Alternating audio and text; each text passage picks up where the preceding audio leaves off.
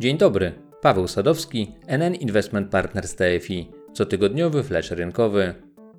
W ostatnim komentarzu wspominałem m.in. o tym, że obecne środowisko inwestycyjne wymusza na inwestorach, zwłaszcza tych, którzy trzymają swoje oszczędności na nisko oprocentowanych lokatach bankowych, konieczność poszukiwania alternatyw w postaci aktywów, które mają szansę na wygenerowanie dodatniej realnej stopy zwrotu.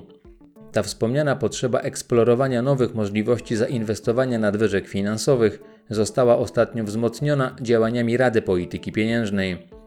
Ta instytucja niespodziewanie i po raz trzeci z rzędu obniżyła stopy procentowe do poziomu nieznacznie powyżej zera. Dla osób oszczędzających na lokatach i kontach oszczędnościowych takie działanie zwiastuje kolejne obniżki ich oprocentowania. Najprawdopodobniej doprowadzi to do tego, że niebawem porównania produktów depozytowych będą miały miejsce na poziomie drugiego miejsca po przecinku. Teraz przejdę do zjawiska, które ostatnio i pewnie w przyszłości również będzie wpływało na utratę wartości pieniądza w czasie, czyli do inflacji. I choć majowy wstępny odczyt tego wskaźnika jest na najniższym poziomie w bieżącym roku, to trudno uznać, że poziom inflacji 2,9% w ujęciu rocznym konfrontacji z prawie zerowymi stopami procentowymi jest powodem do zadowolenia dla osób oszczędzających. Warto przy tej okazji zastanowić się nad tym, jak długo w Polsce możemy mieć do czynienia ze zjawiskiem negatywnych stóp procentowych, które występuje obecnie i oznacza, że poziom inflacji przewyższa np. oprocentowanie bankowego depozytu czy poziom oficjalnych stóp procentowych banku centralnego.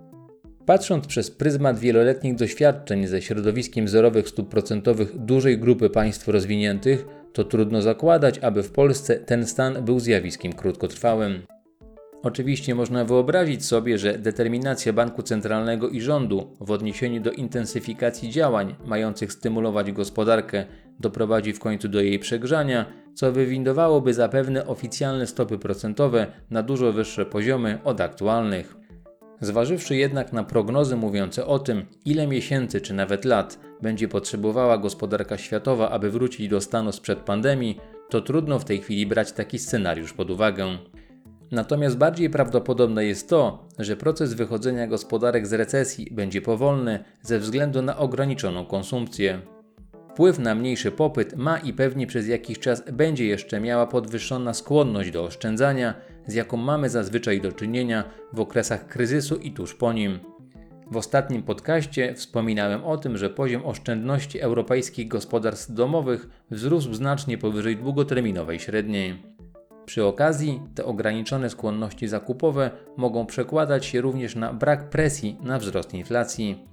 Należy jednak pamiętać, że wyceny surowców, które były głównym przegranym spowolnienia gospodarczego, znajdują się aktualnie blisko historycznych minimów, więc ewentualny ich wzrost byłby czynnikiem inflacjogennym.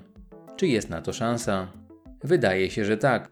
Najstarszy globalny wskaźnik obrazujący koniunkturę na światowym rynku towarowym, czyli indeks CRB, który odzwierciedla zachowanie cen surowców w ujęciu dolarowym, znalazł się na poziomach z początku lat 70. zeszłego stulecia. Warto jednak podkreślić, że dzisiejszy dolar to nie ta sama waluta co prawie 50 lat temu. Uwzględniając wskaźnik CPI, czyli indeks zmiany cen towarów i usług konsumpcyjnych, który jest najpopularniejszą na świecie miarą inflacji lub deflacji, to amerykańska waluta straciła od tamtego czasu około 80%.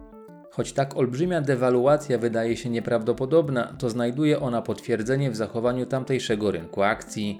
Obecna wartość indeksu SP 500 jest na poziomie 30 razy wyższym niż prawie 5 dekad temu. W związku z tym nie powinien dziwić fakt, że surowce w stosunku do amerykańskich akcji nie były nigdy tak tanie jak teraz. Jako ciekawostkę warto dodać, że surowce są również najtańsze od wielu dekad względem rynków wschodzących, z którymi są dodatnio skorelowane. Warto zastanowić się teraz nad odpowiedzią na pytanie, jakie środowisko sprzyja wzrostom cen surowców. Szanse na taki scenariusz dają nam masowe dodruki pieniądza w połączeniu z programami o charakterze fiskalnym, które kierują strumień pieniędzy do realnej gospodarki.